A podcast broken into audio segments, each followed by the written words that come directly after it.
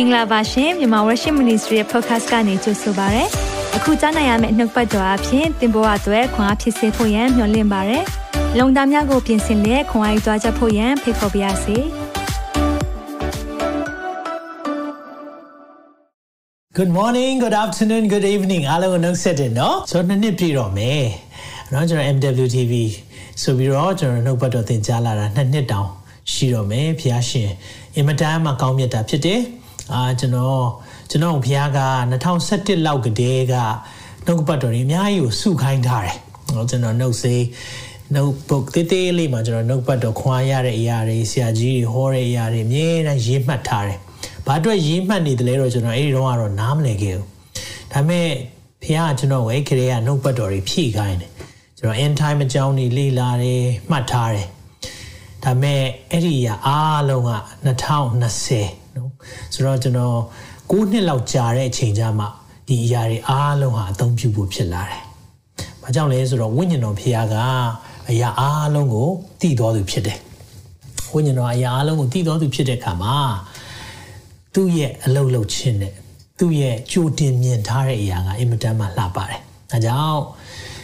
သင်ဒီအချိန်မှာ ဖះနဲ့အချိန်ယူလိုက်ရလို့ငါအချိန်နေကုန်သွားတယ်တငယ်ချင်းတွေနဲ့တော့ငါမပျော်လိုက်ရအောင်ဘယ်တော့မှအဲ့ဒါအောင်တော့မရနဲ့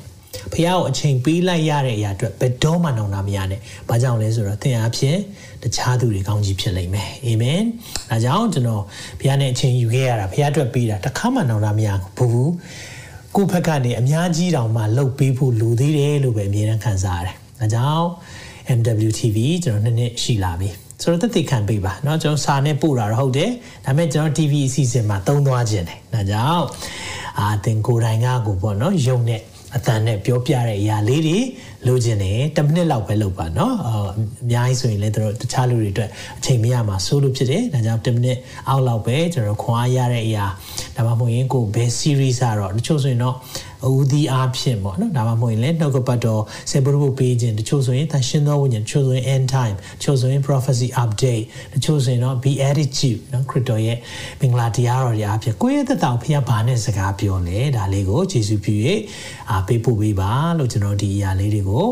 နှစ်နှစ်ပြည့်အထူးအစီအစဉ်မှာအသုံးပြုသွားမှာဖြစ်ပါတယ် Amen we welcome you the Holy Spirit ဒီနေ့သရှင်တော်ဝိညာဉ်တော်ဆက်လက်ပြီးတော့ကျွန်တော်ဖိတ်ခေါ်ရအောင်ကြိုဆိုရအောင်နေရာပေးရအောင်သူရဲ့လမ်းပြခြင်းနဲ့ပို့ဆောင်ခြင်းအထူးရေးကြီးတယ် Amen ခဏလောက်စက္ကန့်နေရအောင်သရှင်တော်ဖခင်နာမတော်ကိုချီးမွမ်းပါတယ်ဒီနေ့မှာလည်းတစ်ဖက်ပြန်လဲပြီးတော့နှုတ်ပတ်တော်ခွန်အားယူခွင့်ရလို့ယေရှုတင်တယ်ကိုရောသိကောင်းမြတ်ပါတယ်ကိုရောရဲ့ကောင်းမြတ်ခြင်းတွေနေ့စဉ်နဲ့များခံစားစေလို့ယေရှုတင်တယ်ဒီနေ့မှာလည်းကိုရောရဲ့ဖခင်ဖြစ်ခြင်းအကြောင်းကိုပြောကြမှာဖြစ်တယ်ကိုရော ခမဲတော်ရဲ့အတွင်းစိတ်ကိုပင်တည်သောဖရာကိုရောကိုဒီနေ့မှာကျွန်တော်တို့အကူအညီတောင်းပါတယ်ကိုရောကိုယ်တိုင်သင်ပေးပါကျွန်တော်တို့ကိုနားလဲစေပါကျွန်တော်တို့ရဲ့ပိတ်ဆို့နေတဲ့ဂိုင်းကနသင်ကြားချက်မှားယွင်းမှုအားလုံးရှိခဲ့တဲ့အရာများအားလုံးကိုလည်းကိုရောကိုယ်တိုင်ဖယ်ရှားပေးပါညင်သာစွာနဲ့ကိုရောကျွန်တော်တို့ကိုပြုပြင်ပေးပါသခင်ယေရှုရဲ့မြတ်တော်နာမ၌စက္ကန့်နဲ့ဆုတောင်းကြပါ၏ဖအာမင်အာမင်အာမင်ဒီနေ့နှုတ်ပတ်တော်ခေါင်းစဉ်က သင်မသိတော့ဖယားသင်မသိတော့ဖယားဆိုတော့ကျွန်မသိတဲ့ဖယားရှိလားဆိုရင်ရှိတယ်။ဘာကြောင့်လဲဆိုတော့တန်ရှင်းသောဝိညာဉ်တော်ဖယားဖြစ်မသိတဲ့သူအများကြီးပဲယုံကြည်သူတွေသူသဖြင့်ယုံကြည်သူခရိယန်တွေတန်ရှင်းသောဝိညာဉ်တော်ဖယားလို့မသိထားအောင်။ဒါကြောင့်မလို့လေကျွန်တော်တို့အသက်ရှင်ခြင်းမှာအများကြီးကျွန်တော်တို့က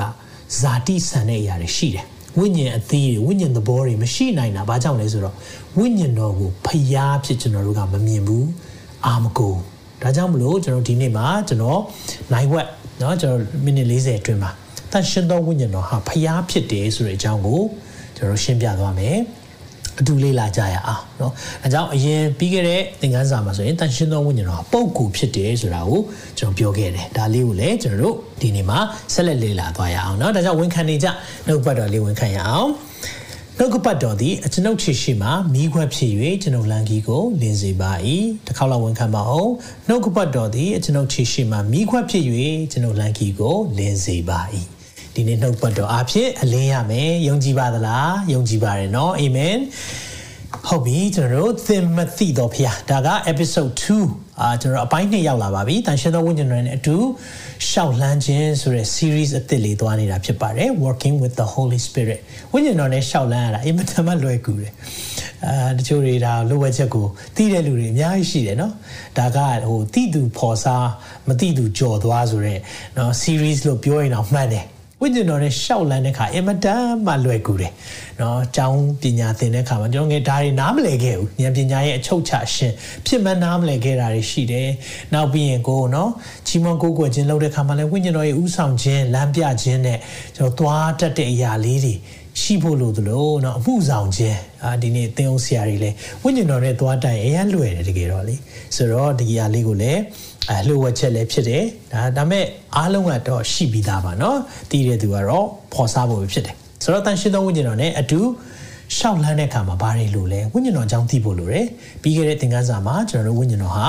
ပုံကိုဖြစ်တယ်ဆိုတာကိုလေ့လာခဲ့တယ်ဆိုတော့ကျွန်တော်ဒီမိခွန်းလေးနဲ့အဲ့တော့စားခဲ့တယ်တန်ရှင်းသောဝိညာဉ်တော်ကိုသိတာလားတန်ရှင်းသောဝိညာဉ်တော်အကြောင်းကိုသိတာလားဘာလို့ဆိုကြောင်းနေမှာကျမ်းစာကြောင်းတက်တယ်เนาะဆိုရင်ဝိညာဉ်တော်အကြောင်းကိုသင်ပေးတယ်ဆိုတော့ဝိ ဝ ညာဉ်တော်အကြောင်းတော့သိလာတယ်ဝိညာဉ်တော်မသိဘူးဆိုတော့ဝိညာဉ်တော်အကြောင်းသိပြီးဝိညာဉ်တော်ကိုပုတ်ကိုပေါ့နော် intimacy ဆိုတဲ့ယဉ်ဤကျွမ်းဝင်ခြင်းနဖူးတွေဒူးတွေမသိတဲ့အခါမှာကျွန်တော်အမှုဆောင်ခြင်းပဲဖြစ်ဖြစ်လှုပ်ဆောင်ခြင်းယုံကြည်သူရဲ့အသက်ရှင်ခြင်းမှာအများကြီးခက်ခဲတာကိုတွေ့ရတယ်။ကျွန်တော်လူငယ်လေးတွေပြောလာကြတယ်ဆရာကျွန်တော် ဒုစရိုက်တွေလှုပ်လှုပ်မိနေတယ်ဒုစရိုက်ဖြစ်တယ်အဲမှာပဲမလွတ်မြောက်နိုင်ဘူးဘာလုပ်ရမလဲဆူတောင်းပေးပါစသဖြင့်ပြောလာတဲ့အခါမှာဒါဇာတိသဘောနဲ့အသက်ရှင်လို့မရဘူးဝိညာဉ်သဘောနဲ့အသက်ရှင်ဖို့လိုတယ်ဆိုပြီးကျွန်တော်ဝိညာဉ်တော်အကြောင်းဟောထားတဲ့ဟာတွေကိုအမြဲတမ်းပို့ပေးတယ်။ဘာကြောင့်ဆိုသူတို့ဝိညာဉ်တော်နဲ့ယဉ်နီးစေချင်တာဝိညာဉ်တော်နဲ့ယဉ်နီးတဲ့အခါကြမှာပဲကျွန်တော်အဲ့ဒီဒုစရိုက်အဖြစ်ကလွတ်မြောက်တာဖြစ်တယ်။ဒါကြောင့် တော့ကျွန်တော်အမြဲတမ်းလုံမိနေတဲ့အရာရှိတယ်မကောင်းမှန်းလဲသိတယ်မကြော်လွှားနိုင်ဘူးဆိုရင်ဝိညာဉ်တော်ကိုကူညီတောင်းရအောင်အာမင်ဒါကြောင့်ဝိညာဉ်တော်အကြောင်းကိုသိတာထက်ဝိညာဉ်တော်ကိုသိဖို့လိုတယ်ကျွန်တော်ဘဝမှာ2015မှာဝိညာဉ်တော်ကိုထဲထဲဝင်ဝင်သိတာဖြစ်တယ်ဆိုတော့သူ့သူ့ကိုသိဖို့ကတော့เนาะသူနဲ့အမြဲတမ်းယဉ်ကျေးကျွမ်းဝင်ဖို့ကတော့အမြဲတမ်းအချိန်ပေးဖို့လိုတယ်ဟုတ်တယ်เนาะကျွန်တော်တို့တယောက်ယောက်သိခြင်းနဲ့ဆိုရင်တယောက်ယောက်နဲ့အမြဲတမ်းအချိန်ယူသလိုမျိုးပဲတန်ရှင်းသောဝိညာဉ်တော်ကိုလည်း သူ့အကြောင်းလေ့လာဖို့လိုတယ်သူဘယ်လိုမျိုးကြိုက်တတ်တယ်လဲစသဖြင့်ကျွန်တော်ဒါကိုအများကြီးလေ့လာသွားရင်ဝိညာဉ်တော်ကိုသိသိလာတယ်ဝိညာဉ်တော်ကိုသိလာတယ်ဆိုရင်ဝိညာဉ်တော်ရဲ့သဘောတဘာဝအထာလေးတွေသိလာနိုင်မယ်အဲ့ချိန်ကျရင်သင်ရဲ့လှုပ်ဆောင်မှုမှာအင်မတန်မှရှောက်လန်းတဲ့အခါမှာဝိညာဉ်တော်ရဲ့မဆာခြင်းကိုခံစားရလိမ့်မယ်။ဒီမဲ့ဒါကိုကျွန်တော်တို့အရင်ဘက်ကနေပြောလာတဲ့အခါမှာဝိညာဉ်တော်ဖျားကအာလူတွေကဘယ်လိုခံယူတတ်လဲဆိုတော့သင်တော်တွေဂိုင်းကနာတချို့ကဝိညာဉ်တော်ဆိုတာစွမ်းအား force power နောက်ဆိုတတ်မဲ့တဲ့အရာတစ်ခုလို့ထင်တတ်တယ်တချို့ကြတယ်ဂျိုးငက်လို့ထင်တယ်မဟုတ်ဘူးမဟုတ်ဘူးဝိညာဉ်တော်ဘုရားပုတ်ကိုဖြစ်တယ်သူ့မှာပင်ကိုယ်စီရိုက်တွေရှိတယ်နော်အသိဉာဏ်ရှိတယ်အလိုဆန္ဒရှိတယ်ရတာခံစားနိုင်စွမ်းရှိတယ်ဒီအရာတွေကိုကျွန်တော်တို့ပြီးခဲ့တဲ့သင်ခန်းစာကအထူးပဲလေ့လာခဲ့ပြီးပြီဆိုတော့ဒီနေ့ဝိညာဉ်တော်ဟာနော်သက်မဲ့မဟုတ်ပဲနဲ့သက်ရှိဖြစ်တဲ့ပုံကိုဖြစ်တယ်ဆိုတာကိုဒီနေ့မှာလေ့လာသွားမယ်အဲ့ဒါကဘာလဲဆိုရင်တော့ တန်ရှင်သောဝိညာဉ်တော်ရဲ့ဖျားဖြစ်ခြင်းနော် the deity of the holy spirit ဆိုဝိညာဉ်တော်ဟာဖျားဖြစ်တယ်ဆိုတာကိုနှုတ်ကပတ်တော်နဲ့ကျွန်တော်တို့အချိန်ထိုးကြည့်အောင်အဆင်ပြေမလားဆိုတော့ဟုတ်ပြီနော်ကျွန်တော်တို့တန်ရှင်သောဝိညာဉ်တော်ဟာဖျားဖြစ်တယ်ဆိုတာကိုနှုတ်ကပတ်တော်ထဲမှာဖော်ပြထားတယ်ဆိုတော့ဖျားဖြစ်ရင်ဖျားရဲ့ဂုံပုတ်လေးတွေရှိတယ် နော်ဖះရဲ့ဂုံပုတ်ဆိုတော့လူတိုင်းကဖះဖြစ်တယ်လို့ပြောချင်ကြတာပေါ့နော်ဆိုတော့တော်တော်များများငါဖះဖြစ်တယ်စသဖြင့်လူတွေကြော်ညာနေတာလဲတွေ့ရတယ်တချို့တွေလဲကိုးကွယ်ခံခြင်းလို့လုပ်တဲ့အရာစတန်ထွင်တာတွေစသဖြင့်ရှိတယ်လောကကြီးတွေမှာနော်အာနောက်ပြီးတော့ဟိုဂျပန်အေဂရစ်တွေဆိုသူတို့ကိုသူတို့ဖះလို့နေရလာတယ်စသဖြင့်ပေါ့နော်တတ်မှတ်တဲ့အခါမှာပြည်သူတွေကလည်းသူတို့ဖះလို့သဘောကိုထားပြီးတော့ကိုးကွယ်တာမျိုးလဲရှိခဲ့တယ် ဆိုတော့နိုင်ငံကောင်းဆောင်တွေကိုဖျားဖြစ်သတ်မှတ်တဲ့လူတွေလည်းရှိကြတယ်ဒါပေမဲ့ဖျားဆိုရင်ဂုံပုတ်ဟာရှိရတယ်နော်ထာဝရဖြစ်ရမယ်ဆိုတော့ဖန်ဆင်းခံမဟုတ်ရအောင်နော်ဆိုတော့ထာဝရတည်ရှိနေတဲ့အရာဖြစ်ရမယ်ပြီးနေရာတိုင်းမှာရှိရမယ်အရာအလုံးသိရမယ်ပြီးရင်အဲ့ဒါပဲလားဆိုတော့အရာအလုံးလည်းတတ်ဆွမ်းနိုင်ရမယ်ဆိုတော့ဖျားရဲ့ဂုံပုတ်လေးတွေကျွန်တော်လေ့လာရအောင်အဲကြောင့်ကျွန်တော်ဒီနေ့အချက်အာ အချက်အနေနဲ့တော့၄ချက်ပြောမယ်နောက်ဆုံးသတိပေးချက်အနေနဲ့တစ်ချက်ဆိုတော့အားလုံး၅ချက်ပြောသွားခြင်း ਨੇ ဆိုတော့တန်ရှင်သောဝိညာဉ်တော်ဖျားဖြစ်ကြောင်းကျွန်တော်နံပါတ်1သိရမယ့်အချက်ပါဆို omnipresent ဆိုတာနေရာတိုင်းမှာရှိတာနေရာတိုင်းမှာရှိခြင်းဆိုတော့တန်ရှင်သောဝိညာဉ်တော်ဟာနေရာတိုင်းမှာရှိတယ်ဆိုတော့သင်ဖျားလို့ပြောတဲ့အရာတွေလောကကြီးမှာကြည်ရအောင်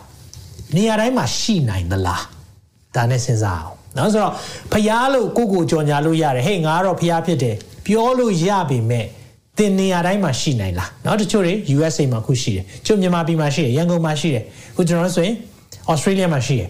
တနေရာထဲမှာတစ်ချိန်ထဲမှာရှိနိုင်ခြင်းနေရာတိုင်းမှာရှိရဆိုတာနေရာတိုင်းမှာတစ်ချိန်ထဲမှာရှိနိုင်တာမှ ဘုရားဖြစ်တယ်ဆိုတော့တန်ရှင်သောဝိညာဉ်တော်နဲ့ပတ်သက်ပြီးကျမ်းစာပါပြောလဲ139ခုမြောက်သောစာလံမှာဒီလိုပြောပါတယ်အငယ်9မှာဝိညာဉ်တော်နဲ့လွတ်ခြင်းအလို့ကအဘယ်ရက်သို့သွားနိုင်ပါမည်နည်းတဲ့ဝိညာဉ်တော်နဲ့လွတ်မဲ့နေရပြေးလို့မရဘူးမျက်နာတော်နဲ့လွတ်ခြင်းအလို့ကအဘယ်အရက်သို့ပြေးနိုင်ပါမည်နည်းတဲ့ဝိညာဉ်တော်နဲ့လွတ်ဖို့ပြေးမယ်တဲ့ပြေးလို့မရဘူး ကောင်းကင်သို့တက်လင်ကိုတော့ရှိတော်မူ၏တဲ့ကောင်းကင်သွားရင်လည်းရှိတယ်မရဏနိုင်ငံ၌အဲ့ရကိုခင်းလင်ကိုတော့ရှိတော်မူ၏နက်နက်တောင်တို့ကိုယူ၍သမုဒ္ဒရာဇွန်း၌နေလျင်ထိုအရက်၌ပင်ကိုရောဤလက်သည်အကျွန်ုပ်ကိုပို့ဆောင်လျက်လက်ရလက်တော်သည်ဂိုင်လျက်ရှိပါလိမ့်မည်တွေ့လားဘယ်နေရာဖြစ်ဖြစ်ဝိညာဉ်တော်နဲ့လွတ်လို့မရဘူးတဲ့အဲကြောင့်ဝိညာဉ်တော်ကိုကျွန်တော်တို့ကသင်္ကိုင်းကနာသင်ပေးလိုက်မယ်နော်ဝိညာဉ်တော်ဆိုတာဒါကဟို ဟိုယူးကြောင်ကြောင်လူတွေလှုပ်တဲ့အရာစသဖြင့်ပြောတယ်နော်ဝိညာဉ်တော်ဆိုတာစသဖြင့် theologically တော့လက်ခံတယ်ဝိညာဉ်တော်ရဲ့လှုပ်ဆောင်ချက်ကိုညင်းတဲ့သူတွေအများကြီးပဲဝိညာဉ်တော်အကြောင်းချင်းတွေ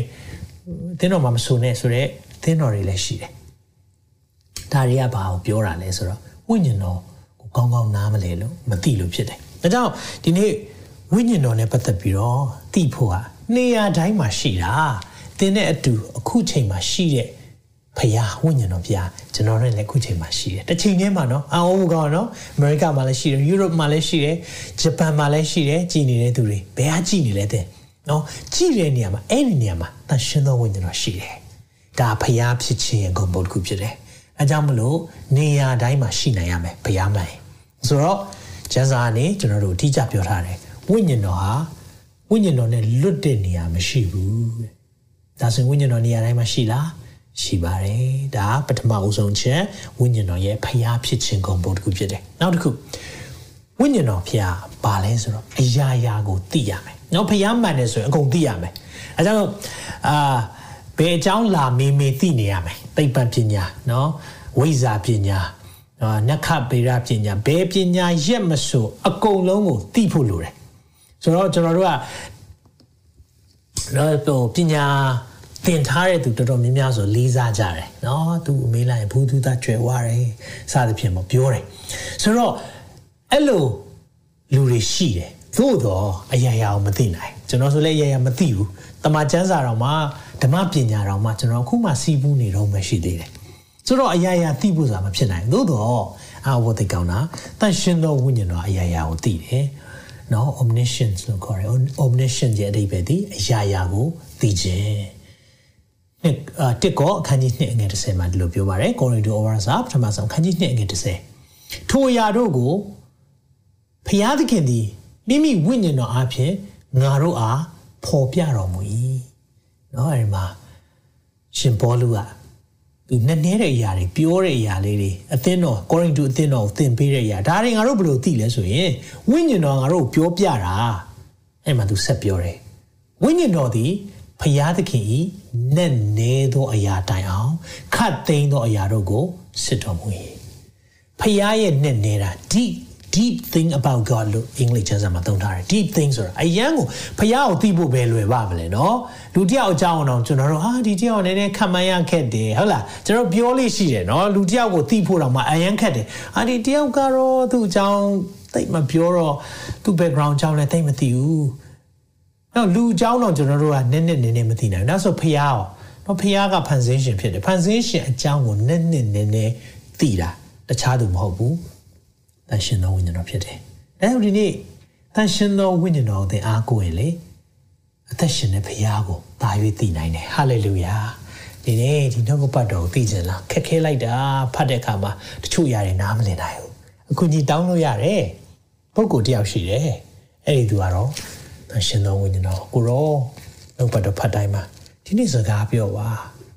ခင်ယေရှုကိုတွေ့ကျင်တယ်ကျွန်တော်ရဲ့လိုအပ်ချက်ကျမရဲ့လိုအပ်ချက်ကိုတွေ့ကျင်ပါတယ်ဒီရဲ့စာရွက်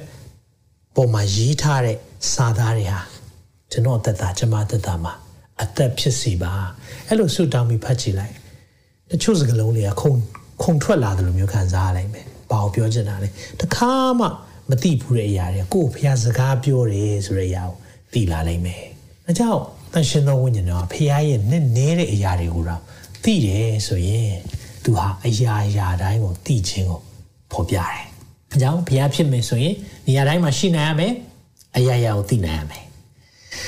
နောက်ဘုရားဖြစ်တယ်ဆိုရင် omnipotent အမှုတိုင်းကိုတတ်ဆွမ်းနိုင်ရမယ်အရာအားလုံးလည်းလုပ်နိုင်ရမယ်နော် အရာအားလုံးကိုလည်းလှုပ်ဆောင်နိုင်ရမယ်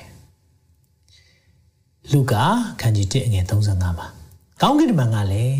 တန်ရှင်သောဝိညာဉ်တော်သည်သင်အပေါ်မှာတက်ရောက်တော်မူ၍အမြင့်ဆုံးသောဖခင်၏တကူအာနုဘော်သည်တင့်ကိုလွှမ်းမိုးလိမ့်မည်ထိုအကြောင်းကြောင့်ထိုတန်ရှင်သောသားသည်လည်းဖခင်သခင်၏သားတော်ဟုခေါ်ဝေါ်သမုတ်ခြင်းကိုခံရလိမ့်မည် အာမင်ဒီနှုတ်ကပတ်တော်ကြည့်တဲ့အခါမှာဒါလူကာထဲမှာเนาะဆိုတော့ဘလို့ဖြစ်နိုင်မှာလဲမေရိုမာရီယာဘလို့ဖြစ်နိုင်မှာလဲကျမကအပြူစင်အဲ့ဒီအချိန်မှာကောင်းကင်မှာပြောလိုက်တယ်တန်ရှင်သောဝိညာဉ်တော်အပြင်ဖြစ်မယ်ဝိညာဉ်တော်ဘလောက်ဆွမ်းလဲဆိုတော့ကျွန်တော်ပြောပြမယ်နော်စဉ်းစားကြည့်နော်ဖះကိုကျွန်တော်တို့ကစဉ်းစားကြည့်အောင်ဆိုတော့ဖះဖះကိုစဉ်းစားဖို့ကနည်းနည်းခက်တယ်ဆိုတော့ အာဖះရဲ့ဖန်ဆင်းခြင်းစัจ java ကိုစဉ်းစားကြည့်အောင်နော်စัจ java ကြီးအကြီးကြီးပဲနော်အခုဆိုရင်ကျွန်တော်ကဘာတော်မှအကြီးကြီးပါဆိုမှအဲ့ဒီကဘာဆိုစัจ java အကြီးကြီးပဲနော်ဒါကိုသိချင်တဲ့အခါမှာသိပ္ပံပညာရှင်တွေက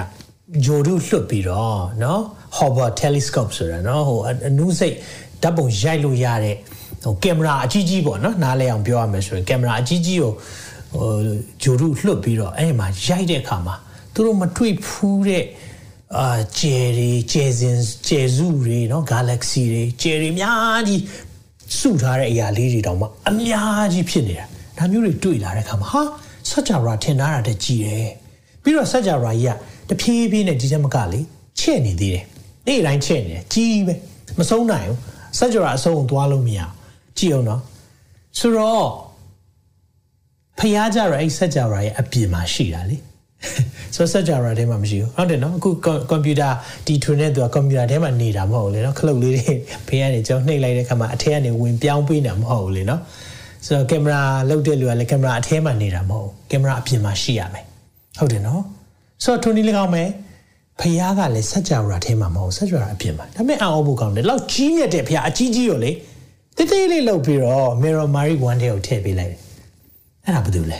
ဒါရှင်တော်ဝိညာဉ်တော်ဟာလေလုယာဘလောက်ထိတကူကြီးလဲကြီးအောင်တော့အကြီးကြီးဘုရားအကြီးကြီးကိုသိလေးလောက်ပြီးတော့မေရိုမာရီဝန်တွေကိုထည့်ပေးနိုင်တယ်ဟာဘလို့ဖြစ်နိုင်မှာလဲဝိညာဉ်တော်ရောက်လာမယ်ဒီချမ်းပိုက်လေးတွေ့လာမသိအမြင့်ဆုံးသောဘုရားရဲ့တကူတော်အသင့်ကိုလွှမ်းခြုံလိုက်မယ်အဲ့ဒီဝိညာဉ်တော်ကြောင့်နော်ထိုတန်ရှင်တဲ့သားဘုရားရဲ့သားလို့ခေါ်ဝေါ်လိုက်မယ်တန်ရှင်သောဝိညာဉ်တော်လုံနိုင်တယ်ဝေါ ဒီလောက်တကူကြီးတယ်ဗျာဒီလောက်တတ်ဆွမ်းတယ်ဗျာ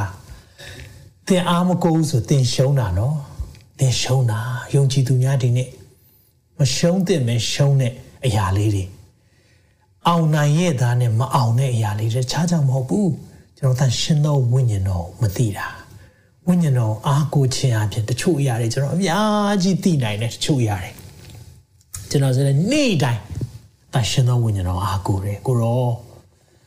ကိုရောကျွန်တော်ဒါလေးနားလဲခြင်းတယ်ဒါလေးသိခြင်းတယ်အမြဲတမ်းသူ့ကိုရှာဖွေတယ်ဒါကြောင့်မလို့တော့အမြဲတမ်းသတိထားမိလားမသိဘူးကျွန်တော်အမြဲတမ်းဒီနှုတ်ကပတ်တော်ဝင်ငှတော့မယ်သင်ကြားတော့မယ်ဆိုရင်ပြောတဲ့အရာလေးဆူတောင်းတဲ့ထဲမှာတန်ရှင်တော်ဝိညာဉ်တော်ဖျားကိုရောကို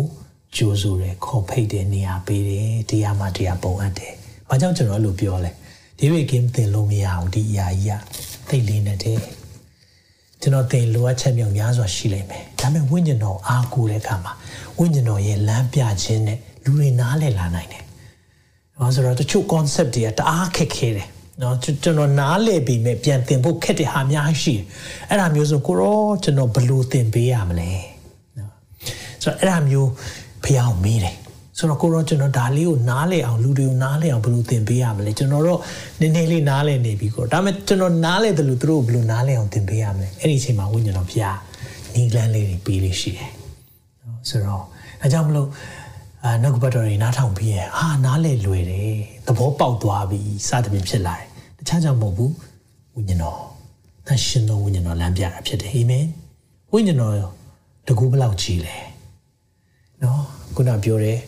ဖះအကြီးကြီးစัจ java အပြင်မှာရှိတဲ့ဖះကိုတိတိတိလှုပ်ပြီးတော့မေရိုမာရီဝမ်နဲ့ထည့်ပေးလိုက်တယ်အဲ့ဒါနဲ့သခင်ယေရှုနော်အသက်ရှင်ခြင်းဖြစ်လာပြီးတော့လက်ဝါးကားတိုင်းမှာအသေးခံပြီးတော့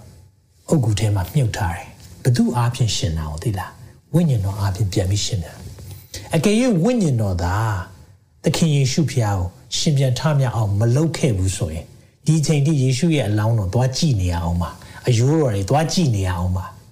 ရှင်းတွေ့လားမသိဘူး the same power that conquer the grave ဆိုတာတေခြင်းကိုနိုင်တဲ့တင်းချိုင်းကိုအောင်နိုင်တဲ့တကူတင်းနဲ့ကျွန်တော်ထဲမှာရှိတယ်ဟာလေလုယာတေခြင်းကိုနိုင်သောတကူကျွန်ုပ်ထဲ၌ရှိတယ်လို့ဝန်ခံပါအောင်တေခြင်းကိုနိုင်သောတကူကျွန်ုပ်ထဲ၌ရှိတယ်ဒါဟုတ်ဒါကကျွန်တော်တို့ရဲ့အားသာချက်ပဲ unfair advantage เนาะကျွန်တော်တို့ယုံကြည်သူတွေနဲ့မယုံကြည်သူတွေဘာကွာလဲကျွန်တော်တို့မှာလေ ပေခြင်းကိုအောင်နိုင်တဲ့တကူအထဲမှာရှိနေတာဒါကြောင့်တချို့အရာတွေကျွန်တော်တို့လှုပ်ဆောင်မှုတွေမှာလေဘာလို့အပ်လဲသိလားအဲ့ဒီတကူနဲ့လှုပ်လှုပ်တတ်ဖို့လိုတယ်တေခြင်းကိုအောင်နိုင်တဲ့တကူနဲ့အလုပ်လုပ်တတ်ရင်ဘာလို့အောင်ပါလဲလူတွေအကြောက်ဆုံးကတေခြင်းရဲ့တကူလေလူတွေအကြောက်ဆုံးကအဲ့ဒီရဲ့တေခြင်းဆိုတဲ့အရာမရဏနိုင်ငံဆိုတဲ့အရာဒီအရာကိုအောင်နိုင်တဲ့တကူကျွန်တော်နဲ့သင်ထဲမှာရှိထားပြီးပြီမိတ်ဆွေဘာများကြောက်စရာလိုလဲဟာလေလုယာ ကြောင့်မလို့သရှင်သောဝိညာဉ်တော်အရာအလုံးတတ်နိုင်တယ်သေခြင်းကိုအောင်နိုင်တဲ့ဖယားလို့သခင်ယေရှုကကြွေးကြော်တာဘာကြောင့်လဲဝိညာဉ်တော်ကရှင်ပြန်ထမြောက်ဖို့ရန်အတွက်လုပ်ခဲ့လို့ဖြစ်တယ်အဲကြောင့်နော်ဝိညာဉ်တော်ကအရာအလုံးကိုတတ်နိုင်လားတတ်နိုင်တယ်ဖျားမှန်ရင်နေရာတိုင်းမှာရှိရမယ်ဖျားမှန်ရင်အရာရာကိုသိရမယ်ဖျားမှန်တယ်ဆိုရင်အမှုတိုင်းကိုနော်အမှုရာတိုင်းကိုတတ်ဆွမ်းနိုင်ရမယ် you have to be omnipotent နော်အရာအလုံးလှုပ်ဆောင်နိုင်ရမယ်အဲဒါကြောင့်မလို့သခင်ယေရှုဘာပြောလဲ nothing is impossible with god မဖြစ်နိုင်တဲ့အရာလုံးဝမရှိဘူးတဲ့။ဘာကြောင့်လဲဖခင်အရာအလုံးတတ်နိုင်တဲ့ဖခင်ဖြစ်တာလေ။ဟာလေလုယာ။ဒါကိုကျွန်တော်နားလေတယ်ဆိုရင်ဝိညာဉ်တော်ဟာဖခင်ဖြစ်တယ်ဆိုတာမငင်းတော့နဲ့။ဘာကြောင့်လဲဆိုတော့တင့်အတွက်မကောင်း။ဒီလောက်အထိတင့်ကိုကူမခြင်းနဲ့ဖခင်။ ဒီလောက်အထိတင့်ကိုချစ်တယ်ဖခင်။ဒီဒီကျွန်တော်တို့အထဲမှာလည်းရှိနေတာ။တန်ရှင်းသောဝိညာဉ်တော်ရဲ့ဗိမာန်တော်ဖြစ်တယ်။ဝိညာဉ်တော်ဖျားဖြစ်တဲ့စမြင်လာတဲ့နေ့မှာတင့်ဘဝမှာထူးကိုထူးခြားနိုင်မယ်ဝိညာဉ်တော်ဟိုဖျားဖြစ်တဲ့သိလာတဲ့အချိန်မှာတင့်ဘဝမှာအရင်ကလုံးဝမကြော်လွှားနိုင်တဲ့အခက်အခဲတွေကြော်လွှားလာနိုင်မယ်အရင်ကလုံးဝမအောင်မြင်နိုင်ဘူးလို့ထင်ထားတဲ့အရာအောင်မြင်လာနိုင်မယ်ဘာကြောင့်လဲဝိညာဉ်တော်နဲ့ ရှောက်လန်းတက်လာတာဟာလေလုယာနေ့တိုင်းဝိညာဉ်တော်နဲ့ရှောက်လန်းတက်တဲ့သူဟာအရာရာမအောင်မြင်တယ်ခက်ခဲမရှိဘူးမဟုတ်ရှိတာပေါ့ရှိတာပေါ့ဒါပေမဲ့ဝိညာဉ်တော်ဘုရားပါရှင်ကိုရောဘလို့ကင်တွေရမလဲဘလို့ကြော်လွှားမလဲအဲ့ဒီဝိညာဉ်တော်ဘုရားကျွန်တော်တို့ကိုမာစားတယ်ဟာလေလုယာအဲဆိုဝိညာဉ်တော်ရှိရင်အရာအလုံးအောင်မြင်တယ်နော်ကျွန်တော်ယုံကြည်သူတွေကဒီဟာလေးကြားသွားရင်ကျွန်တော်တို့ကကြိုက်တာကိုလုပ်ချင်တတ်တယ်ဒီခါလေးဝိညာဉ်တော်ပို့တဲ့အရာလေးတွေကမထင်ထားတာရှိတတ်တယ်နော် မတ်မိလားမသိသခင်ယေရှုဗတ္တိဇံခံတဲ့အချိန်မှာကောင်းကင်ပွင့်ပြီးတော့ဤသူကငါရဲ့ချစ်မြတ်လို့ရငါရဲ့ချစ်သားဖြစ်တယ်တဲ့အဲ့ဒါလည်းပြောလဲပြောပြီးရောမလုပ်လဲဝိညာဉ်တော်ဟာတဲ့သခင်ယေရှုကိုတောအရက်ကိုပို့တယ် water to wilderness water to wilderness ရေနှစ်ချင်းကနေတောကိုပို့လိုက်တယ်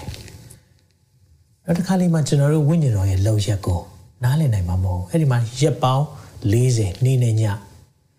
အလူးလိမ့်မယ်စုံစမ်းခြင်းခံရတယ်ဒါမဲ့အဲ့ဒီအချိန်မှာလဲအရှင်တော်ဝိညာဉ်တော်တူပါရှိနေတာဟာလေလုယာယုံကြည်သူများမြင်စေခြင်းနဲ့ဒီနေ့ကျွန်တော်တို့ဝိညာဉ်တော်ပါရှိတယ်ဆိုရင်ချမ်းသာရမယ်ကြွယ်ဝရမယ်အဲ့လိုကြီးပဲမစင်စားနဲ့အောင်မြင်ရမယ်လို့ပြောတဲ့အခါမှာမာနကိုအောင်မြင်ခြင်းစုံစမ်းနှောက်ယှက်ခြင်းကိုအောင်မြင်ခြင်းအဲ့ဒီအောင်မြင်ခြင်းကသာစစ်မှန်တဲ့အောင်မြင်ခြင်းဖြစ်တယ်ဟာလေလုယာ ကျန်တဲ့အရာတွေကျွန်တော်အကုန်ထားခဲ့ရမယ့်အရာကြီးပဲဒါပေမဲ့ဝိညာဉ်ထဲမှာအောင်မြင်တော်သူများဖြစ်ဖို့လိုတယ်အာမင်ကျွန်ုပ်သည်ဝိညာဉ်ထဲ၌အောင်မြင်တော်သူဖြစ်တယ်လို့ဝန်ခံပါအောင်ကျွန်ုပ်သည်ဝိညာဉ်ထဲ၌အောင်မြင်တော်သူဖြစ်တယ်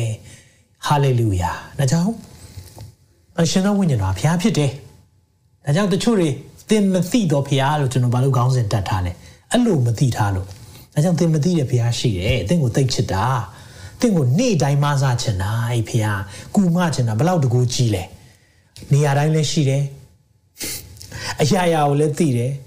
အမှုတိုင်းကိုလည်းတတ်ဆွမ်းနိုင်တယ်အဲ့ဒီလောက်ကောင်းတဲ့ဘုရားရထားတာဟာလေလုယာကြီးမြတ်တဲ့ဘုရားနာမတော်သာရေးပုံကြည်ပါစေအဲကြောင့်တန်ရှင်းသောဝိညာဉ်တော်ဟာဘုရားဖြစ်တယ်ဆက်ပြီးတော့ကျွန်တော်လေ့လာရအောင်နံပါတ်၄ချက် the holy spirit is eternal တန်ရှင်းသောဝိညာဉ်တော်ဟာထာဝရတည်ရှိတယ် ထာဝရတည်ရှိနေရမယ်ဝိညာဉ်တော်ကရုပ်တရက်ကြီးဟုတ်လား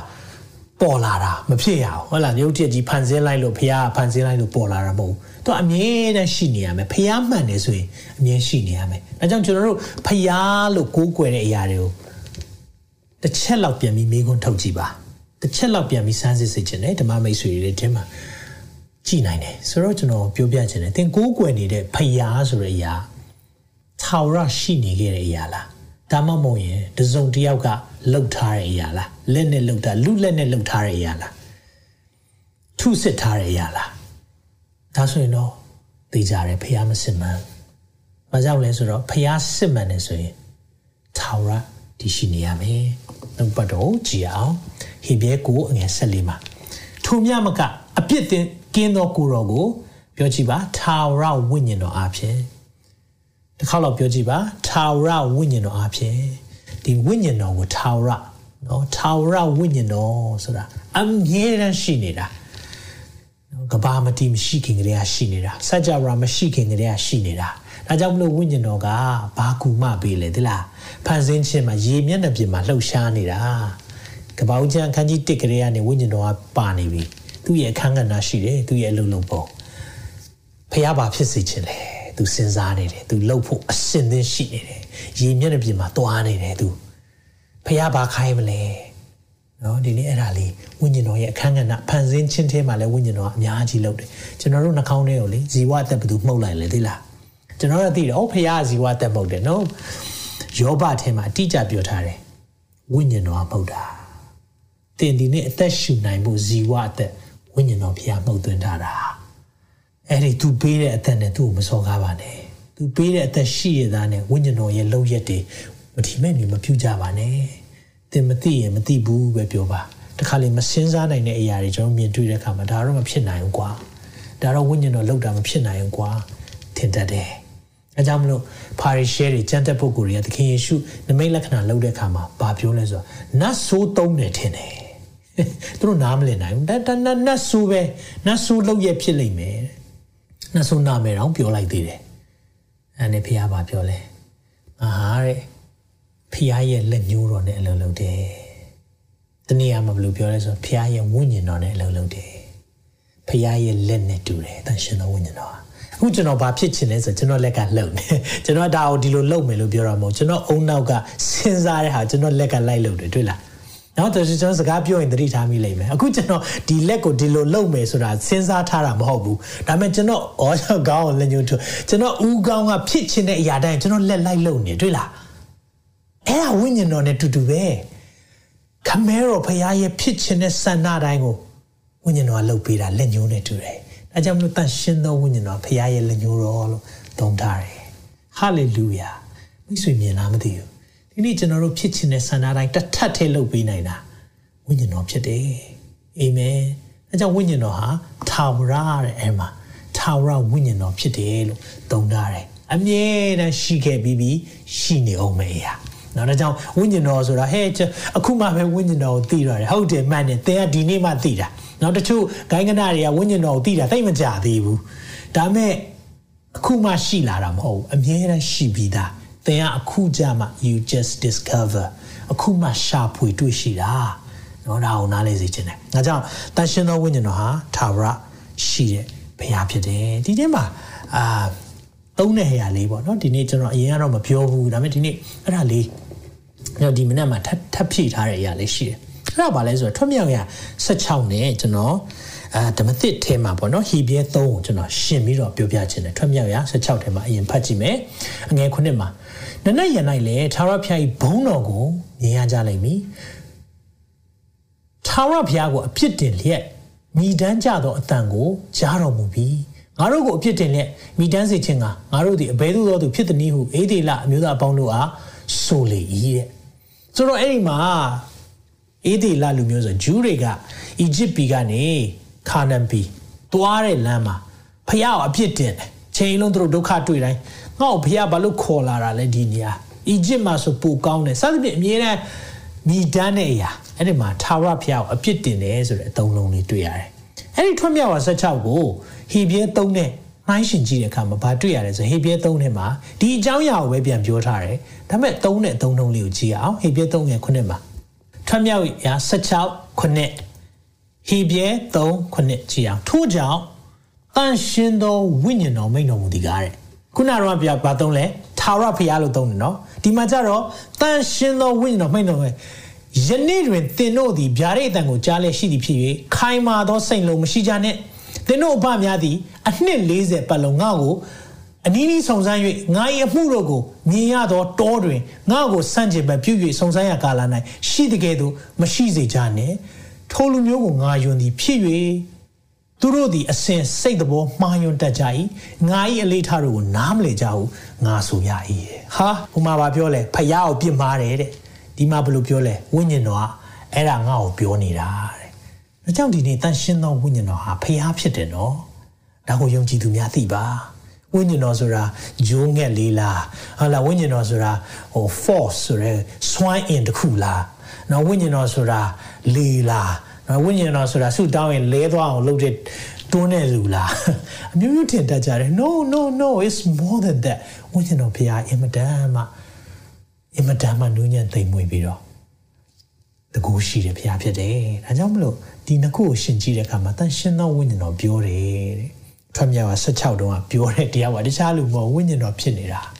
သူတို့ဝိညာဉ်တော်ခဏခဏပြစ်မှာတော့တောထဲမှာနှစ်ပေါင်း40လေပတ်ပြီးတော့ ရောက်ချင်တဲ့နေရာမရောက်ရအောင်မြင်ချင်တဲ့အရာမမြင်ရအောင်ဒီနေ့ကျွန်တော်တို့ယုံကြည်သူတွေအလုံးမဖြစ်ဖို့လိုတယ်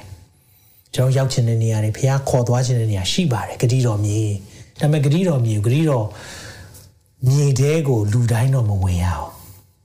ဒီမဝင်ရအောင်မျိုးဆက်တစ်ခုလုံးပြတ်သွားတယ်။ဘာကြောင့်လဲဝိညာဉ်တော်မြည်တမ်းနေကြတယ်။ခုနကပဲကျွန်တော်နှုတ်ပတ်တော်ကြည့်လာဝိညာဉ်တော်ပြစ်မှားနေကြတဲ့ဖွဲ့တွေဘယ်တော့မှရောက်ချင်တဲ့နေရာမရောက်နိုင်ဘူး။ အဲကြောင့်ကျွန်တော်တို့ဝိညာဉ်တော်ဖျားဖျားဖြစ်တယ် eternal ထာဝရဖြစ်တယ်ဆိုတာကိုနားလည်ဖို့လိုတယ်ဒီအကြောင်းလေးကျွန်တော်ပြောပြီးတော့အဆုံးသတ်ခြင်းတယ်အဲ့ဒါပါလဲဆိုရင်တော့ the holy spirit is god တန်ရှင်တော်ဝိညာဉ်တော်ဖျားဖြစ်တယ်ခုနကျွန်တော်ပြောပြီးပြီနေရာတိုင်းမှာရှိတယ်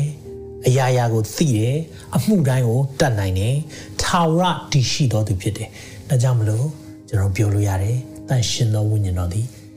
ဖျားဖြစ်တယ် ဓမ္မသစ်ထဲမှာရှိလားရှိတာပေါ့ကျွန်တော်ဓမ္မသစ်ထဲမှာဆိုရင်ဒီအရာဥပမာ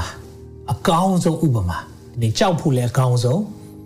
ပြီးတော့ကျွန်တော်တို့အတွက်လည်းသင်ယူဖို့အကောင်းဆုံးဥပမာရှိတယ်အဲ့ဒါကတော့ဓမ္မတော်အခန်းကြီး9ထဲအကြောင်းအရာဖြစ်တယ်၄နဲ့9เนาะဒါကျွန်တော်တို့အခန်းကြီးခွဲတာပေါ့ရေးတော့ကတော့ရေးတဲ့သူတွေကအဲ့လိုအခန်းကြီးခွဲတာတော့မဟုတ်စာတစ်စောင်ထဲပဲရေးတာဆိုတော့ဓမ္မတော်၄ကိုဖတ်ကြည့်တဲ့အခါမှာเนาะအဲ့ဒီမှာမတွေ့ရလဲဆိုတော့ အဲ့မှာဘာနိဘကအသင်းတော်ကိုအလှပြုတာပေါ့နော်သူ Cyprus ကနေသူကသူ့ညီတွေရောင်းပြီးတော့ဗိမာန်တော်ကိုယူလာပြီးတော့လှုပ်တဲ့ခါမှာအဲ့ဒီမှာလင်မယားနှစ်ယောက်ကလည်းသူတို့လိုက်လှုပ်တာပေါ့နော်အဲ့ဒီမှာဗာပြောလဲဆိုတော့ဓမ္မတော်ဝတ္ထုခန်းကြီးငါငယ်သုံးမှာပေကျုကလည်းအာနနီသူတို့ကရောင်းတော့ရောင်းလိုက်တယ် ဒါပေမဲ့အရာအလုံးမပေးပြန်ဘူးเนาะဆိုတော့အဲတခြားလူတွေနာမည်ရတယ်เนาะတမန်တော်တွေထဲမှာ influential ဖြစ်တယ်ဆိုတော့ဩဇာလွှမ်းမိုးမှုတွေဖြစ်လာတာပေါ့เนาะဆိုတော့အဲ့လိုဖြစ်လာတော့เนาะဘာနဘဟိုအသက်တာချင်းသားပေါ့เนาะ sign of encouragement အားပေးတဲ့သူဆိုတော့ तू က Cyprus မြေကွက်ကိုရောင်းတော့ तू ကသူတို့လည်းလိုက်လုပ်ချင်တာပေါ့เนาะဟာငါတို့လည်းလိုက်လုပ်ရင်ကောင်းမယ်ဒါပေမဲ့အားလုံးမပေးရင်လည်းအားလုံးမပေးလို့ဖခင်က စိတ်ဆိုးတာမဟုတ်ပါဘူးသူတို့နှလုံးသားမမှန်တော့ဘုရားစိတ်ဆိုးတာနော်ကျွန်တော်တို့ဒီအရာလေးကိုလည်းနားလည်ဖို့လိုတယ်ဆိုတော့အဲ့မှာကြည့်တဲ့အခါမှာပေဂျူကလည်းအာနနီဆိုတော့ဒီလင်မယားနှစ်ယောက်နော်သူတို့ရောင်းတယ်ဒါပေမဲ့အားလုံးမပေးဘူးမပေးတဲ့အပြင်ကိုသူတို့ကလိန်လိုက်သေးတယ်လိန်လိုက်တဲ့အခါမှာပေဂျူကလည်းအာနနီတင်ဒီတန့်ရှင်းသောဝိညာဉ်တော်ကိုလှည့်စားတယ်ဒီမှာသုံးတယ်နော်ဝိညာဉ်တော်ကိုလှည့်စားတယ်လို့သုံးတယ် မြေကိုရောင်း၍ရောင်းသောအဖိုးဤတဖို့ကိုထိန်ဝတ်မိအကြောင်းစာတန်သည်တင်ဤစိတ်နှလုံးကိုအဘဲကြောင့်ပြည့်စေရသည်။စိတ်နှလုံးထဲမှာဘာကြောင့်ဖះကိုပေးရမယ်ဟာထိန်ချန်ခြင်းရတာလေ။စာတန်ကဘာလို့အဲ့လိုလုပ်တာကိုခွင့်ပေးရတာလေ။ဒီကတော့မနာလို့စိတ်။เนาะကျွန်တော်အမြဲတမ်းပြောတယ်မာနမာနကိုဖွင့်ပေးရင်မာနဝင်တတ်တယ်။မာနကိုခွင့်ပေးရင်မာနဝင်တတ်တယ်။မာန ထိုမြေရှိစဉ်တွင်ကိုပိုင်တယ်မဟုတ်လို့နင့်ဟာပဲမဟုတ်ဘူးလားဒါကကိစ္စမရှိဘူးရောင်းစရာတော့မလို့ပြောချင်တဲ့သဘောကရောင်းရရတော့အဖို့ဒီကိုဥစ္စာဖြစ်တယ်မဟုတ်လားကိုဟာပဲမဟုတ်ဘူးလားဒါမဲ့ဒါအကုန်လုံးပဲလားလို့ပြောအဲ့ဒါအကုန်ပဲတဲ့အဲ့လိုလောက်တာနော်ပေကျူကမေးတယ်ဒါယူလာတာအကုန်လုံးပဲလားလို့ပြောရင်ပြောလို့ရတယ်လေနော်အော် ဒါကတော့တဝက်ကိုလှူတာပါဆိုကိစ္စမရှိဘူးလေဒီမှာပြောတယ်လေဒါနင့်မြေပဲလေနင့်နင့်ရောင်းတဲ့ငွေလဲနင့်ဟာပဲလေကိုဥစ္စာဖြစ်တယ်မဟုတ်လို့အဖေကြောင့်ဤတို့ကြံစီဘာလို့လို့လှုပ်တာလဲတစ်ဖွဲ့ကိုခံတစ်ဖို့တိန်းထားပြီးတော့ဒါအကုန်လုံးပဲလို့ဘာလို့ပြောတာလဲလူကိုသာမှုသာပြောပြီးမဟုတ်တယ်ဆိုတော့ PTU ကငါ့ပဲပြောတာမဟုတ်ဘူးလူကိုလိန်တာမဟုတ်ဘူးတဲ့ဖယားသခင်ကိုလည်းမှုသာပြောပြီးပြောကြည့်ပါဖယားသခင်ကိုလည်းမှုသာပြောပြီးဟု PTU ဆို၏ထိုစကားကိုကြားလင်အာနနိသည်လဲ၍သေ၏ထိုအကြောင်းကိုကြားသောသူပေါင်းတို့သည်အလွန်ကြောက်လန့်ခြင်းသို့ရောက်ကြ၏မကြောက်ဘဲနေမလားနော်ချက်ချင်းလဲပြီးသေသွားတယ်ဒါကြောင့်အလှူလုပ်တဲ့အခါမှာလည်းဒီနေ့ကျွန်တော်နားလည်ဖို့လိုတယ်ဘုရားအတွက်ပေးတဲ့အရာတွေအားလုံးဟာစိတ်ထားမှန်ကန်စွာပေးဖို့လိုတယ်နော်ကိုမပေးနိုင်တဲ့အဖို့ဘုရားမတောင်းပါဘူးဒါမဲ့ပေးတယ်ဆိုရင်လေမာနနဲ့ဟလာဟာငါတို့ပေးတာတက်တာဖို့ပေးမယ်အဲ့လိုမျိုးစိတ်နဲ့မပေးရအောင်ဘုရားအောင် ဒါပေမဲ့တကယ်ပေးပြီဆိုရင်ကိုရောကျွန်တော်ဒီလောက်ပဲတတ်နိုင်တယ်။ဒါကြောင့်မိုးဆိုးမရဲ့နော်ဒင်္ဂါနှစ်ပြဖះသိမှတ်တယ်။ဘာကြောင့်လဲ။ဒါသူတတ်နိုင်တဲ့အရာပမာဏအဖြစ်နေတယ်။ဒါပေမဲ့သူ့အတွက်တော့ဒါ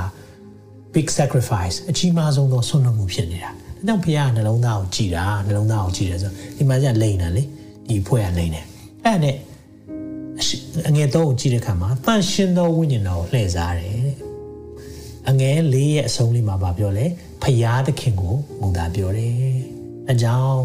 တန်ရှင်သောဝိညာဉ်တော်ဟာဖယားသခင်ဖြစ်တယ်။ကြောင့်ကျွန်တော်တို့ဟာသုံးပါးတစ်လုံးတော့ခမဲတော်၊တာတော်၊တန်ရှင်သောဝိညာဉ်တော်ဒီအရာလေးကိုယုံကြည်သူများကိုကျွန်တော်နားလည်စေခြင်းတယ်ပြီးနောက်တိုင်းသင်ခန်းစာတွေမှာ Trinity အကြောင်းပြောပြမယ်เนาะကျွန်တော်သုံးပါးတစ်လုံးတော့ဘလို့လုံးလုံးတလဲဒီနေ့ခမဲတော်ကျွန်တော်ဖျားဖြစ်လက်ခံနိုင်တယ်တချို့ကခမဲတော်ပဲဖျားဖြစ်လက်ခံတာရှိတယ် သားတော်လက်မခံနိုင်တဲ့အဖွဲ့တွေရှိတယ်မရဘူးသားတော်ဒီလည်းဖျားဖြစ်တယ်ပြီးရင်တန်ရှင်းသောဝိညာဉ်တော်ကြတော့ဖေခမဲတော်နဲ့သားတော်လက်ခံပြီးတော့ဝိညာဉ်တော်လက်မခံတဲ့အဖွဲ့လည်းရှိပြန်တယ်မရဘူးဘာကြောင့်လဲခုနကျွန်တော်လေ့လာတဲ့အခါမှာဝိညာဉ်တော်ဒီလည်းဖျားဖြစ်တယ်ဒါကြောင့်အမြဲတမ်းသခင်ယေရှုကိုယ်တိုင်ကပြောလဲလူမျိုးတကာကိုသွားပါငါတပည့်ဖြစ်စီပါပြီးရင်ပြောလဲခမဲတော်သားတော်တန်ရှင်သောဝိညာဉ်တော်ရဲ့နာမ၌ဗတ္တိဇံပေးပါ နော်ဆိုတော့ခမဲတော်သားတော်နာမ၌ပေးပါမပြောခမဲတော်သားတော်တန်ရှင်သောဝိညာဉ်တော်နာမ၌ပေးပါသူတို့သုံးပါးတစ်လုံးတော့ဖြစ်ခြင်းကိုအမြဲတမ်းပြောပြလေရှိတယ်။ဒါကြောင့်တန်ရှင်သောဝိညာဉ်တော်ရဲ့အခွင့်မရှိဘဲနဲ့ယေရှုဘာမှမလုပ်ခဲ့ဘူး။သူတကိုးတွေပြတဲ့အရာနမိတ်လက္ခဏာတွေလုပ်တဲ့အခါအနာရောဂါငြိမ်းခြင်းအရာအားလုံးဟာဝိညာဉ်တော်ရဲ့လှုပ်ဆောင်မှုနဲ့ပဲသွားခဲ့တယ်။သခင်ယေရှုတော်တန်ရှင်သောဝိညာဉ်တော်ဒီလောက်လိုအပ်တယ်ဆိုရင်သင်နဲ့ကျွန်တော်ဘယ်လောက်လိုအပ်မလဲ။ အဲ့ဒီနေ့မှာဝိညာဉ်တော်ရဲ့မာစာခြင်းရှိဖို့ကျွန်တော်ဆုတောင်းပေးခြင်းနဲ့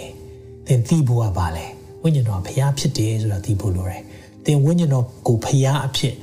သိဖို့လိုတယ်။ခမဲတော်ကိုသင်စော်ကားရေးလား။သားတော်ကိုသင်စော်ကားရေးလား။ဒါဆိုမစော်ကားရေးဘူးဆိုရင်တန်ရှင်သောဝိညာဉ်တော်စော်ကားဖို့မဟုတ်ဘူး။သူရဲ့လောက်ရက်တွေနော်သူရဲ့လှုပ်ဆောင်မှုတွေအများကြီးကျွန်တော်နားမလည်နိုင်တာရှိလိမ့်မယ်။ဒါမဲ့သင်တခုသိထားဖို့လိုတယ်။ဝိညာဉ်တော်ကဘုရားဖြစ်တယ်။ အရာရာကိုသိတယ်။နေရာတိုင်းမှာရှိတယ်။အမှုအားလုံးတတ်ဆွမ်းနိုင်တယ်။ tower ဖြစ်တယ်။ပြီးရင်သူ့ကိုဖျားဖြစ်လေတမန်တော်တွေကသွန်သင်တယ်။အကြောင်းကျွန်တော်နားလည်ဖို့ဟာသရှင်သောဝိညာဉ်တော်သည်ဖျားဖြစ်တယ်။အရာဝတ္ထုမဟုတ်ဘူး။နော်တမဲ့မဟုတ်ဘူး။စွမ်းအင်တစ်ခုပဲမဟုတ်ဘူး။ဂျိုးငက်တသက်မဟုတ်ဘူးဝိညာဉ်တော်သည်ပုဂ္ဂိုလ်လည်းဖြစ်တယ်ဖခင်လည်းဖြစ်တယ်ဟာလေလုယာအဲ့ဒီဝိညာဉ်တော်ခွန်အားနဲ့သွားဖို့လိုတယ် အာမင်သင်ရဲ့သက်တာမှာဒီနေ့ဝိညာဉ်တော်ရဲ့လမ်းပြခြင်းနဲ့ပို့ဆောင်ခြင်းခံစားခြင်းနဲ့ဆိုရင်ကျွန်တော်ဆုတောင်းပေးခြင်းတယ်ဝိညာဉ်တော်တစ်ခါမှတစ်ချိန်တစ်ခါမှဒီလိုမျိုးမသိထားဘူးတဲ့သူတွေဒီနေ့ရှိလိမ့်မယ်တသိခံမှာစာရေးလာပါဝိညာဉ်တော်ပြင်းမာမိတဲ့အရာတွေပြောမိတဲ့အရာတွေသင်အသက်တာမှာအများကြီးရှိလိမ့်မယ်ပါဇက်နဲ့မပြောမိရင်တော့မကိုယ့်ရဲ့အသက်ရှင်ခြင်းမှာတန်ရှင်သောဝိညာဉ်တော်မကြိုက်တဲ့အရာတွေအများကြီးလုပ်လိုက်လုပ်မိလိုက်မယ်ရင်ပတ်ကျွန်တော်ပြောပြီးပြီနော် ကျွန်တော်တို့ရဲ့စကားကြမ်းတဲ့အရာတွေပြောဆိုကြမ်းတဲ့အရာတွေဧဖက်430မှာရှိတယ်29 30 31ကိုကြည့်တဲ့အခါမှာကျွန်တော်စကားပြောဆိုခြင်းစိတ်နှလုံးသားထဲမှာမနာလိုစိတ်ရှိတာပဲလေဝိညာဉ်တော်စိတ်နာစေတတ်တယ်။အဲကြောင့်ကျွန်တော်ဒီနေ့ဒီຢာလေးကိုကျွန်တော်ပြောတဲ့အခါမှာသင်ရဲ့တက်တာမှာသင်သိတယ်ဝိညာဉ်တော်နဲ့သင်ရှောက်လှမ်းတဲ့လောက်မရှောက်လှမ်းဘူးဆိုရင်ဒီနေ့ဟာနေ့တည်ဖြစ်တယ် This is your day 1 Let's start it again ဝိညာဉ်တော်ဖျားခရစ်တော်တည်ခြင်းမှာထားမြအောင်လုပ်တဲ့ဝိညာဉ်တော်ဖျားကျွန်မဘဝတည်နေတယ်လို့ခံစားရတဲ့အရာကိုပြန်လည်၍ရှင်ရတဲ့ခွင့်ပေးပါကျွန်တော်ဘဝပြီးသွားပြီလို့ခံစားရတဲ့အရာတွေဒီနေ့မှာပြန်လည်ပြီးတော့အသက်ဖြူပြင်ပေးပါသင်တောင်းလျှောက်ပါအာမင်ဖခင်ကိုတောင်းလျှောက်ပါကိုရောကိုမသိလို့ပြမမိတဲ့အရာအားလုံးအတွက်လည်းခွင့်လွှတ်ပေးပါလို့ဒီနေ့တောင်းလျှောက်ပါ ဘုရားစီမှာတောင်းပန်ပါဝင်ချပါဘာကြောင့်လဲအဲ့ဒီဝိညာဉ်တော်ဖခင်ကအရာအားလုံးကိုသိပြီးသားဖြစ်တယ်သင်ရဲ့နှလုံးသားကိုသိတယ်အဲကြောင့်ဝိညာဉ်တော်ဖခင်ကိုအမြဲတမ်းကျွန်တော်ရဲ့သက်တာမှာအတူရှောက်လန်းခြင်းနဲ့ဆိုရင်သူ့ရဲ့အသွားလာတွေနားလည်ဖို့လိုတယ်ဟာလေလုယာတရှင်တော်ဖျားတရှင်တော်ဝိညာဉ်တော်ဖျားဒီနေ့ကိုရောရဲ့ဖျားဖြစ်ခြင်းကိုလေ့လာရလို့ယေရှုတင်ပါတယ် တရှင်တော်ဝိညာဉ်တော်ဖျားကိုရောဟာ eternal ဖြစ်တယ်ထာဝရဖြစ်တယ်အမြဲတမ်းရှိခဲ့သောသူဖြစ်တယ်ထိုနည်း၎င်းပဲကိုရောဟာအရာရာကိုသိတယ်နေရာတိုင်းမှာရှိတယ်အမှုအရာအားလုံးကိုလည်းတတ်ဆွမ်းနိုင်တော်သူဖြစ်ကြောင်းလဲကျွန်တော်အတိအလင်းနားလည်ရပြီကိုရောဒါကြောင့်ကိုရောဝိညာဉ်တော်ဖျားခရစ်တော်ကိုသိခြင်းမှာထားမြောက်စေတဲ့သူတကူတော်ကိုရောကိုဒီနေ့မှာကျွန်တော်တို့ အကူအညီတောင်းပါတယ်ကျွန်တော်တို့သေသွားပြီလို့ထင်ရတဲ့ကျွန်တော်ဘဝတွေကိုပြန်လည်၍ရှင်သန်ခွင့်ပေးပါကိုရောဘဝမှာနိုင်ငံရေးအခြေအနေကြောင့်ကျွန်တော်တို့ရဲ့စီးပွားရေးတွေကျွန်တော်တို့ရဲ့လူမှုရေးတွေကျွန်တော်တို့ရဲ့ပညာရေးတွေကျွန်တော်တို့ရဲ့ဝိညာဉ်ရေးရာတွေသေပြီလို့ထင်နေရပေမဲ့ကိုရောကိုရောရဲ့တကူတော်အားဖြင့်ကိုရောရဲ့တတ်နိုင်ခြင်းအပြင်ကယ်မပါမြန်မာပြည်နဲ့မြန်မာပြည်သူပြည်သားများကိုရောအကြည့်ရှုကြပါ ရုပ်တုကိုးကွယ်ခြင်းကနေအသက်ရှင်တဲ့ဘုရားကိုကိုးကွယ်လာဖို့ရန်အတွက်ကိုရောကိုယ်တိုင်ကျွန်တော်ရဲ့ဝိညာဉ်မျက်စိများကိုဖွင့်ပေးပါမြန်မာပြည်သူပြည်သားများရဲ့ဝိညာဉ်မျက်စိကိုကိုရောအလင်းရစေပါကိုရောကိုရောကိုအားကိုးပါတယ်ဒီနေ့မှာကိုရောဝိညာဉ်တော်ရဲ့လမ်းပြခြင်းနဲ့ပို့ဆောင်ခြင်းကိုလည်းယုံကြည်သူသားသမီးတယောက်ချင်းစီတိုင်းခံစားရပါမိကြောင်းဆုတောင်းပေးပါတယ်ဝိညာဉ်တော်မသိလို့ ကိုရောကိုရောရဲ့အကြောင်းကိုနားမလည်ခဲ့လို့ကျွန်တော်တို့ရဲ့ပြောမိတဲ့အရာတွေလုပ်မိတဲ့အရာတွေတွေးခေါ်မှားတဲ့အရာတွေလှုပ်ဆောင်မှုမှားယွင်းတဲ့အရာတွေအားလုံးအတွက်လည်းဝင်ချတောင်းပန်ပါတယ်ကိုရောခွင့်လွတ်ပါဝိညာဉ်တော်ဟာဖျားဖြစ်ကြောင်းကျွန်တော်ဒီနေ့မှာသိသွားပါပြီဝိညာဉ်တော်ဟာဖျားဖြစ်တဲ့ကဲ့သို့ဝိညာဉ်တော်ရဲ့တတ်နိုင်ခြင်းတွေကိုလည်းနားလေပါပြီကိုရောဒါကြောင့်ကျွန်တော်ရဲ့အသက်တာကိုဒီနေ့မှာကိုရောပို့ဆောင်ပါကျွန်တော်တို့ဟာကိုရောရဲ့ဗိမာန်တော် ဖြစ်တယ်လို့သိထားပေမဲ့ကိုရောရဲ့ဗိမာန်တော်ကဲ့သို့အသက်မရှင်ခဲ့တဲ့အရာတွေညဉ့်ညမ်းတဲ့အရာတွေကြည်ခြင်းညဉ့်ညမ်းတဲ့အရာတွေသုံးဆောင်ခြင်းညဉ့်ညမ်းတဲ့အရာတွေတွေးခေါ်ခြင်းအထဲကနေညဉ့်ညမ်းမှုတွေကိုလှုပ်ဆောင်ခြင်းတွေကိုကိုရောဒီနေ့မှာကိုရောရဲ့တန်ရှင်းခြင်းတကူရောအားဖြင့်တန်ရှင်းစေပါကိုရောမကြော်လွှားနိုင်ဘူးလို့ထင်ရတဲ့အခက်အခဲများဆွဲလန်းမှုပြဿနာများ addiction များအားလုံးကိုလည်းဒီနေ့ကိုရောကိုယ်တိုင်တကူရောအဖြစ်လွတ်ပေးပါချုပ်နှောင်မှုအားလုံးကိုဖြေလွတ်ပေးပါခွင့်မလွတ်နိုင်ဘူးလို့ထင်နေရတဲ့ကျွန်တော်နှလုံးသားထဲမှာခွင့်လွတ်ခြင်းသဘောတွေကိုထည့်ပေးပါကျွန်တော်ဘယ်တော့မှဘယ်တော့မှစကားကောင်းတန့်ရှင်းတဲ့စကားမပြောနိုင်တော့ဘူးလို့ထင်တဲ့ပါဇက်များညဉ့်ညမ်းတဲ့ပါဇက်များကိုလည်းတန့်ရှင်းစေပါကိုရောကိုရောရဲ့ကျင်းဝတ်တဲ့ဗိမာန်တော်ကို ကျွန်တော်တို့ဒီဒီနေ့ကစပြီးတော့မုံမြတ်တဲ့နေရာတန့်ရှင်းတဲ့နေရာအဖြစ်ထားဖို့ရန်အတွက်ကိုရောကိုရောကိုယ်တိုင်မာစာပါဝိညာဉ်သဘောရှိစေပါဇာတိနဲ့ဇာတိဆန်တဲ့အရာအားလုံးကိုလည်းဒီနေရာမှာဆွတ်လွတ်ကြောင်းကြီးညာပါတယ်ကိုရောကိုယ်တိုင်လမ်းပြရေးပို့ဆောင်ပါရောမကြမ်းမာတဲ့သူများအတွက်လည်းဆုတောင်းပေးပါတယ်သူသဖြင့် depression စိတ်ကြနေတဲ့သူများအတွက်ဆုတောင်းပေးပါတယ်ကိုရောယခုအချိန်မှာပဲလေညာအိမ်မပြောနိုင်ဘူး anxiety attack များဆွေးမှုတွေနဲ့ပြည့်နေတဲ့နှလုံးသားတွေအားလုံးရှိနေတဲ့သူအားလုံးပေါ်မှာတန်ရှင်းသောဝိညာဉ်တော်ဖျားယခုအချိန်မှာပဲလေတိုးထီလျက်လုံးဝညီင်တဲ့ရတဲ့ခွင့်ပေးပါကိုရောရှည်ရည်စိုးရိမ်နေတဲ့သူမြောက်များစွာရှိပါတယ်ဘာဆက်လုပ်ရမလဲကိုရောဘယ်ကြောင်းတက်ရမလဲစိုးရိမ်နေတဲ့သားသမီးများ ဘာလို့ဘာစီးပွားရေးလုပ်ရမလဲဘာဆက်လုပ်ရမှန်းကိုမသိတဲ့သူတွေရှိနေပါလမ်းပြောင်းနေတဲ့သူအများကြီးရှိနေပါတယ်ဒါပေမဲ့ဝိညာဉ်တော်ဖျားဒီနေ့အခုချိန်မှာပဲလေသူတို့ကိုတုတ်ထိလျက်သူတို့ရဲ့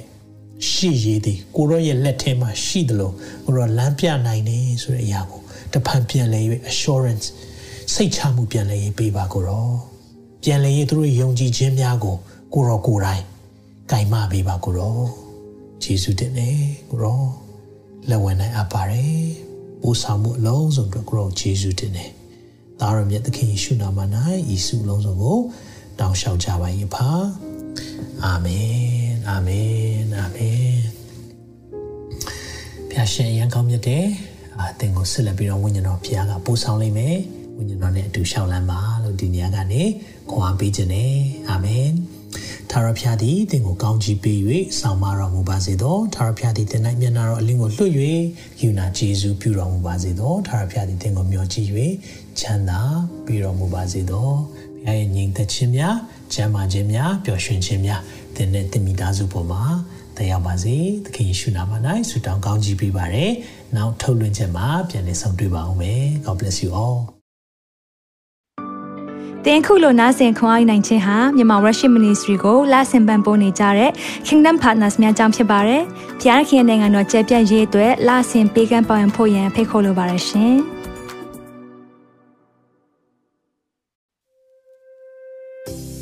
အခုကြားနာခဲ့ရတဲ့နှုတ်ပတ်တော်အဖြစ်ခွန်အားရရှိမဲ့လို့ယုံကြည်မျှော်လင့်ပါတယ်။ခွန်အားရဆိုလို့ရှိရင်ဒီတစ်ပတ်နဲ့ပြန်လည်ဝင်မြပေးဖို့ရန်တောင်းဆိုပါရစေ။ မြန်မာ Worship Ministry ရဲ့ website myanmarworship.com ကိုလည်းလာရောက်လေ့လာဖို့ရန်အတွက်ဖိတ်ခေါ်ချင်ပါတယ်။တစ်ချိန်တည်းမှာမြန်မာ Worship Ministry ရဲ့ social media platform များဖြစ်တဲ့မြန်မာ Worship YouTube Channel, မြန်မာ Worship Facebook Page နဲ့မြန်မာ Worship Instagram များကိုလည်းလာရောက်လေ့လာဖို့ရန်အတွက်ဖိတ်ခေါ်ချင်ပါတယ်။နောက်တစ်ချိန်မှာပြန်လည်ဆုံတွေ့ကြပါစို့။ဖျားရှင်ကောင်းကြီးပေးပါစေ။